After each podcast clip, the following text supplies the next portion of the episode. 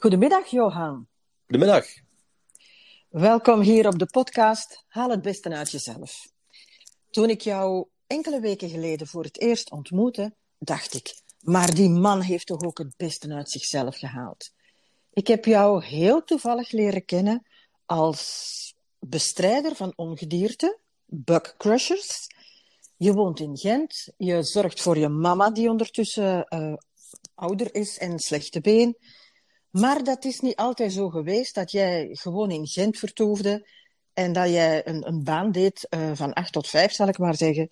Jouw leven is heel anders verlopen. Dat klopt toch, hè? Ja, heel zeker. Ja. Heel zeker. Maar er zijn een aantal dingen gebeurd in je leven en jij hebt de kracht gevonden om daar door te geraken. Je hebt te maken gehad met verlies van je vrouw, je hebt te maken gehad met depressies.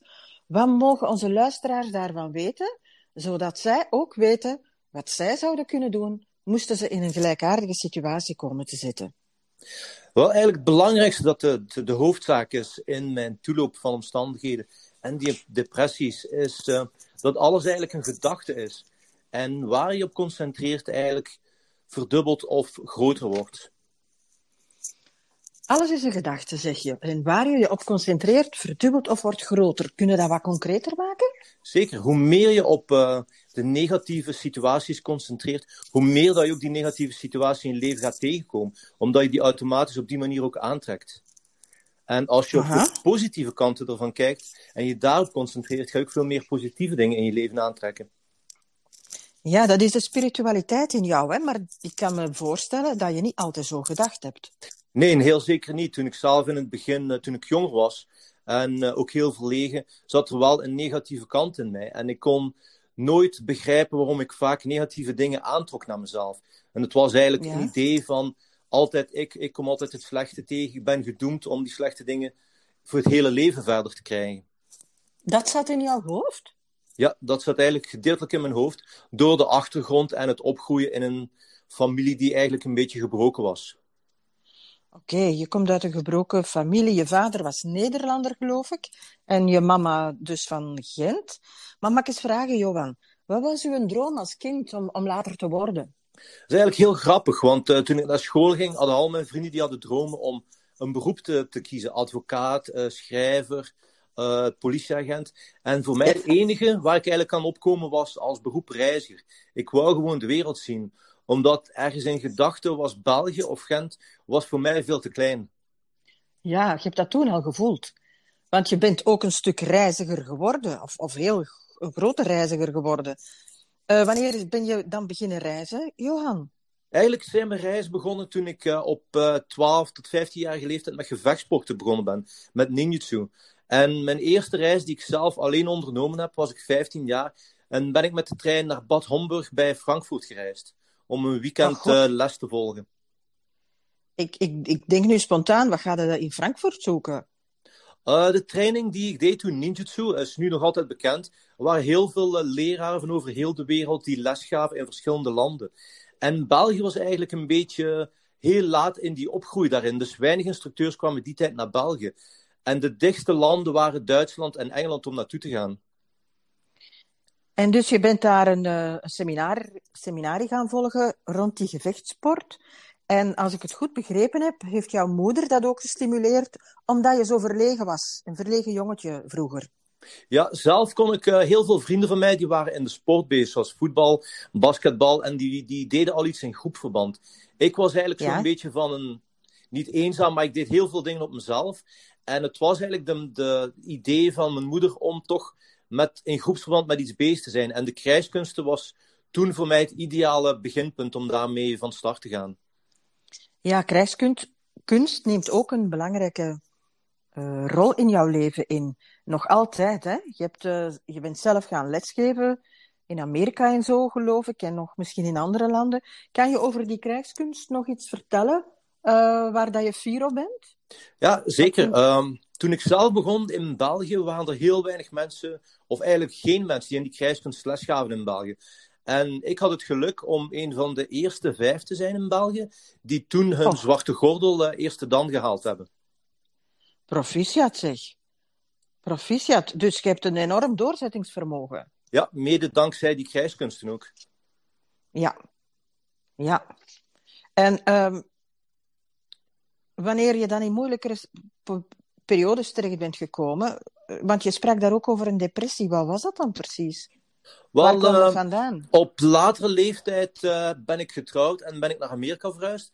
Heb ik mijn vrouw daar leren kennen. En mijn vrouw, die is uh, na vijf jaar, is die zelf in een depressie geraakt. En uh, die door onderliggende factoren zijn dan naar boven gekomen. Um, bipolair en schizofrenie. En uh, door de moeilijkheden die we samen hadden, of die zij had met die depressies en met die ziektes, is ze in een spiraal ja. van zelfmoordpogingen gegaan. En door verloop van Och. tijd kwam ik zelf in een depressie terecht. Ja. En hebben jullie kinderen samen? We waren toen van plan om kinderen te krijgen, maar omdat die ziektes of mentale ziektes in de familie zich voordeden, had de dokter aangeraden om geen kinderen van ons eigen te nemen. En hadden we toen een plan gemaakt om een kind te adopteren. Aha, ja, oké. Uh, maar dat is er dan niet gekomen, geloof ik. Nee, toen net het jaar nadien is mijn vrouw dus uh, ernstig ziek geworden en hebben we die adoptatie ook afgesteld. Ja, god, man. Zo jong, getrouwd nog maar en dan uh, dit al moeten doormaken. Hoe heb jij die depressies dan um, doorgemaakt? Want je zegt nu, alles is een gedachte. Maar hoe ben je in die wereld van die spiritualiteit en filosofie terechtgekomen? eigenlijk de, de gevechtsporttraining die ik deed, had beide kanten. Heeft een uh, mentale, een spirituele kant en een fysische kant. En als jongen, als je begint als 15-jarige, dan kijk je vaak meestal alleen naar de fysische kant, omdat je wilt leren je te verdedigen, je wilt fysisch sterker worden. Maar nagelang hoe ouder je wordt, ga je meer naar de filosofische en de spirituele kant gaan kijken. En ga je dieper gaan zoeken in die krijgskunst, wat eruit te halen is om je beter en sterker te maken in het dagelijkse leven. Ja, en kunnen wij daar een paar tips van jou krijgen of concrete zaken die jij gedaan hebt? Zeker voor mij een van de belangrijkste factoren die ik er zelf uit geleerd is, is dat je alleen je zorgen kunt maken over de dingen waar je zelf controle over hebt. En het enige waar je eigenlijk zelf controle over hebt, is over de woorden die je spreekt of de actie die je zelf onderneemt. Maar de reactie of hoe andere mensen reageren op hetgeen dat jij doet of zegt, daar heb je geen of weinig controle over. Ook niet wat er zich in de wereld afspeelt. Je hebt geen controle over het weer, over hoe andere mensen zich gedragen, hoe de economie zal zijn. En daar heeft ook heel weinig nut om daar constant mee bezig te zijn, want je kunt er zelf niks aan veranderen. Dat is wel een zeer actuele boodschap, hè, Johan? Uh, nu in deze coronatijd ook. Je hebt, maak je alleen maar zorgen over de dingen waar dat je zelf controle over hebt. Mensen, heb je dat gehoord? De woorden die je spreekt, en de acties die je zelf onderneemt, bedoel je dat ook? Ja, zeker en vast. Alle acties. En zelf ook op dat punt, als je verder gaat filosofisch, de gedachten die je zelf in je hoofd steekt. Want ieder woord, iedere actie die je onderneemt, komen voort uit gedachten die in je hoofd beginnen. Ja, ja dat klopt. En er zijn heel veel gedachten in ons hoofd, hè? Ja, zeker en vast. En het, hetgeen dat ik er zelf dus van geleerd heb van die krijgskunsten op latere leeftijd, is om zoveel mogelijk in wat ik zelf dat zen-moment noem. In die rust waar je hoofd of in je gedachten, waar je niet constant zit te malen of aan dingen te denken die misschien zouden kunnen of, of mogelijk zouden kunnen gebeuren. Ja, echt in het nu blijven, de kracht van het nu. Ja, zeker. In het zen-moment. Um, wanneer ben jij daarmee beginnen oefenen? Allee, je zegt nu, ik heb het ook geleerd in die krijgskunst. En het is op latere leeftijd dat het filosofische aspect uh, meer naar boven gekomen is. Um, bijvoorbeeld nu jouw eigen depressies. Hoeveel jaar is dat geleden, Johan? De laatste depressies dat ik had was van 2015. En dat was eigenlijk gekomen door een vrouw die, eh, dus die, die manisch depressief was en bipolar en schizofrenie had. En na een aantal jaren met uh, acht of negen zelfmoordpogingen van een vrouw, was de depressie heel diep van mij. Ik kwam thuis iedere dag eten klaarmaken, televisie kijken, gaan slapen en terugwerken. Zes, zeven dagen per week. En ik leefde eigenlijk niet meer. En ik zag alleen maar haar toestand achteruit gaan, maar ik zag niet wat er met mezelf gebeurde. Ja. En op een gegeven moment had ik die dag, ik had een uh, zaterdag vrij, ging ik gaan hiken of gaan wandelen in de woestijn van Arizona waar ik woonde. En ja. uh, mijn vrouw die zende me een tekstbericht en die zei toen tegen mij van, ah, kom je naar huis? En ik antwoordde daarop van, ja, het kan zo niet verder, ik zie het niet meer zitten. Mijn vrouw die had toen met haar natuurlijk uh, negatieve gedachten had die gedacht dat ik zelfmoord zou plegen. Wat niet het geval was. In Arizona is zo, als je die berichten krijgt en zij belt de politie door, moet je automatisch wel, uh, ofwel vrijwillig, ofwel geforceerd mee naar een kliniek als opvang, als crisisopvang, omdat ze dan denken je gaat zelfmoord plegen. Ja. En ik heb toen 48 uur in een opvang geweest. En daar heb ik eigenlijk heel duidelijk geleerd dat haar problemen niet mijn problemen zijn. En dat ik die twee dingen uit elkaar zelf moet onderleren scheiden. Ja, ja.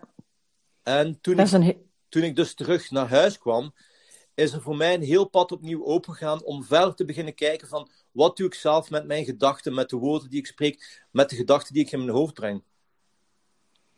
Mooi hoor, sterk. Wauw.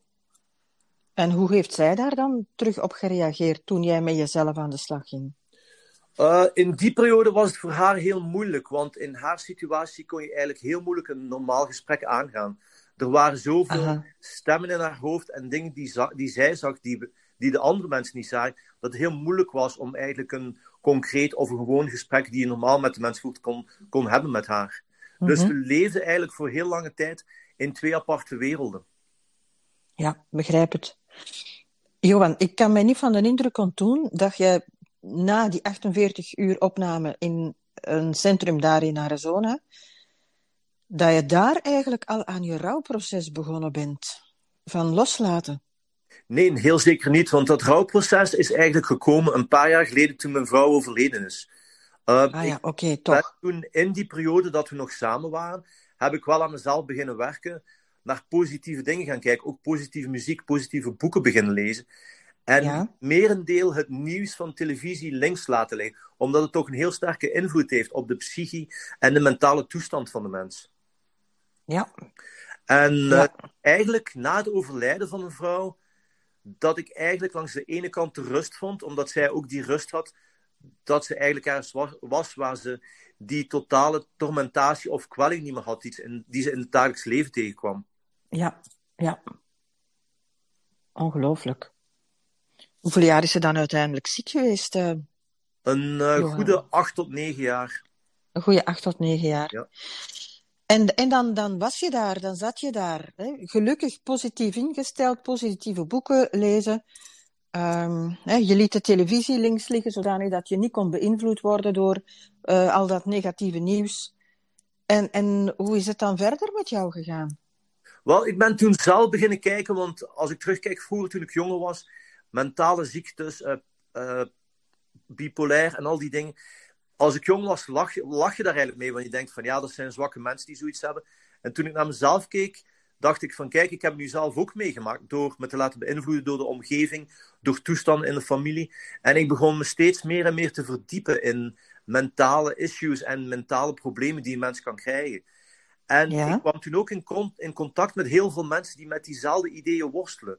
En daardoor heb ik geleerd wat kan ik veranderen, wat kan ik krijgen uit de training die ik gedaan heb, uit dingen die ik dagelijks leer, om andere mensen mee te gaan helpen. Om hun ja? uh, zwaartes en psychische en mentale problemen te verlichten, waar ze toch terug dat licht zien om verder te gaan in het leven. Dus je, je hebt op die manier ook jouw missie gevonden, als ik dat zo goed begrijp. Ja, heel zeker. Want uh, vaak zien mensen een missie in het eerst, in het begin, om een beroep of om iets groots te starten wat ze dagelijks kunnen mee bezig zijn. Maar ik vond op die manier, doordat het geen vast beroep was, kon ik eigenlijk meer tijd spenderen zonder te moeten denken aan de centen en de rest die er ronddraait, om mensen beter te kunnen helpen. Ja, en, en je bent daar in Amerika dan mee gestart? Soort... Ik ben daar, ja. Ik heb toen, uh, had in Amerika bepaalde mensen die naar mij toe kwamen, constant met vragen van hoe kan ik dat, hoe, hoe kan ik door die depressie raken. En toen zijn we eigenlijk daar een groepje begonnen een beetje langs de zijkant van de training, de gevechtsporttraining die ik doe, om toch ja. mentaal die mensen te leren om weerbaarder te maken in de maatschappij. Oh, mooi, chapeau zeg. Ja, en, en um, heb je nu nog contact met dat groepje of zet je dat verder hier in België? Want ondertussen ben jij naar België gekomen. Uh, wanneer, Johan? We zijn in 2020. Ik ben terug naar België gekomen uh, eind 2016, 2017.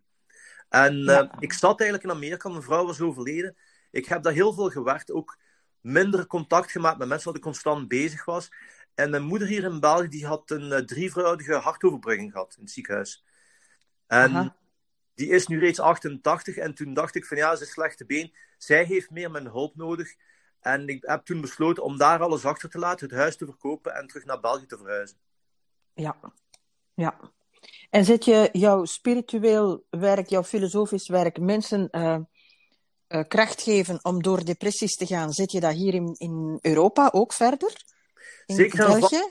Ik, ik, uh, eigenlijk wat ik doe, ik deel heel veel van mijn kennis of ervaring op Facebook, op mijn eigen Facebook-account. En in het dagelijks -huh. leven de mensen die ik tegenkom.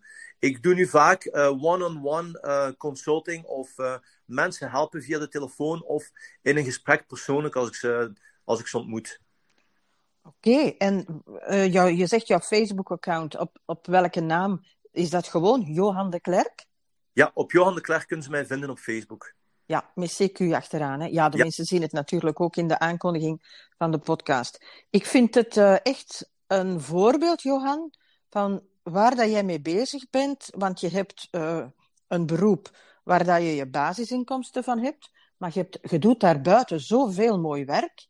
Ja. Uh, vaak ook belangeloos, hoor ik.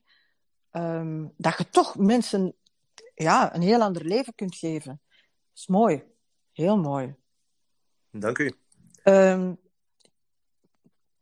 zijn er nog dingen die jij in deze podcast wil delen, waar mensen mee aan de slag kunnen? Ik heb, ik onthoud, uh, positieve boeken lezen, in het nu-moment gaan, in een zen-moment gaan, uh, controle trachten te hebben over de woorden die je spreekt, de acties die je doet, de gedachten die je in je hoofd haalt. Um, ja, dat uh, zijn toch wel al belangrijke tips. Zijn er misschien nog die jij wil delen in deze podcast? Heel zeker, er zijn een hele paar. Ik ben nu zelf ook begonnen met mijn eigen manier van werken op papier te zetten. En heeft eigenlijk als titeling Primal Revolution. Waar ik terug ga naar de basis, waar we in contact staan met de natuur. En waar we terug naar onszelf komen. En ons eigenlijk een beetje laten gaan van al die elektronische en moderne maatschappijen waar we terug naar de bron komen. En dat is eigenlijk het diepere van onszelf. En drie van de pilaren die voor mij heel belangrijk zijn in mijn eigen leven en mijn eigen training, zijn eigenlijk ja. als begin. De eerste pilaar is faith of um, geloof. En als ik spreek van geloof, spreek ik niet geloof in de kerk of in een religie, maar geloof dat gelijk wat op je pad komt, zowel goed als slecht, op jouw pad komt voor een reden, om jou als persoon te sterken en beter te maken. Ja. ja. En als je dat geloof hebt, dat feit dat alles wat er gebeurt voor een reden gebeurt, dan heb je ook die drang niet om te moeten presteren, om te moeten teleurgesteld te zijn als iets niet lukt. Want je leeft gewoon om te leven, om de dingen te doen die je wilt doen. Ja, je hebt de drang niet om te moeten presteren, zeg je? Ja, klopt. Maar, um, en wat, wat is dan die tweede pilaar? De, de dingen tweede, doen die je... De tweede pilaar is eigenlijk um, nederigheid of humility. En het ja. besef daar dat je weet dat niemand, je, niemand beter is dan jou, maar dat jij ook niet beter bent dan een ander. En dat je eigenlijk leert en te beseffen om in evenwicht te leven met de mensen rondom jou en de mensen in jouw maatschappij. Mooi. Faith en humility. En wat is jouw derde pilaar? De derde pilaar die ik gebruik is strength of kracht. Dat je steeds ja. in jezelf, mentaal, spiritueel, maar ook fysisch, hoe kan je jezelf krachtiger maken? En wat betekent die kracht voor jou? Voor iemand kan kracht betekenen heel veel geld bezitten. Voor andere mensen kan die kracht gewoon fysische kracht zijn. Door zich fysiek gezond te voelen en sterk te voelen. Ja. Dus iedereen moet eigenlijk voor zichzelf uitmaken: wat is kracht voor jou in het dagelijks leven? Wat geeft jou kracht? Mooi, mooi. En je noemt het, ik ben het aan het neerschrijven, Primal Revolution? Ja. ja. Uh, wordt dat een boek, Johan? Dat zal waarschijnlijk een boek worden, maar nu voorlopig ben ik bezig aan een aantal workshops op te stellen. Eendagstrainingen voor mensen om daarbij te helpen om de basis te onderwijzen. Aha. Eendagsworkshops, uh, uh, wanneer we terug uh, offline mogen gaan? Of doe ja. je het ook online? Waarschijnlijk zal binnen later volgend jaar zal de eerste online beginnen komen, waar ik mensen help met, in kleine groepjes met drie tot vier mensen, om zo advies te kunnen geven en de basisbeginselen te kunnen uitgeven aan de mensen. Ja, prachtig. Dus mensen, als jullie willen deelnemen aan deze workshop, ga naar het Facebook-account van Johan En ik vermoed dat daar wel regelmatig dan informatie op zal komen, Johan, van wat mensen kunnen volgen bij jou, hè? Ja, zeker en vast. En mensen kunnen me ook altijd schrijven of uh, bericht sturen als ze zelf vragen hebben. Of als ze zelf met problemen zitten waar ze mentaal niet uitkomen. Waar ze eigenlijk die leidraad willen krijgen of hulp daarin. Zeg Johan, waar haal jij de tijd en de energie vandaan om, om dit nu in de wereld te zetten? Wel, het belangrijkste als je kijkt naar, naar je eigen leven en ook mijn leven, we moeten kiezen van wat is het belangrijkste in ons leven en waar kunnen we het meeste goed mee doen. Waar hebben we het meeste profijt uit? En ik denk, iedereen moet voor zichzelf beslissen: heb ik het meeste profijt door naar televisie te kijken, vier uur s'avonds? Of heb ik het meeste profijt door actie te ondernemen en dingen te doen die de maatschappij en de mensen rondom ons beter maken? Uh, een van mijn slogans die ik altijd gebruik, of die voor mij heel belangrijk is, om altijd een deel te zijn van de oplossing, maar niet een deel van het probleem. Ja, wees een deel van de oplossing en niet een deel van het probleem. Ja. Ja, ik vind dat uh, een heel mooie boodschap, um, want we gaan deze podcast uh, waarschijnlijk publiceren online uh, einde december, dus helemaal in die eindejaarsperiode. En uh, het nodigt ons, ik spreek ook voor mezelf, uit tot meer nederigheid en ook tot meer de dingen doen waar dat de maatschappij beter van wordt. Prachtig, Johan. Prachtig. Mag ik jou danken voor deze podcast? Graag gedaan. Ik voel me heel vereerd dat ik op deze podcast mocht zijn. Ja, natuurlijk, natuurlijk. Het, uh, het feit van jou te ontmoeten en de korte gesprekjes, of het korte gesprekje dat we toen hadden, dat, uh, daar kreeg ik kippenvel van. Dus ik, ik voelde, daar moet ik iets mee doen. En ik ben blij dat we dit in de wereld kunnen zetten. Dank u wel. Alsjeblieft. Dag.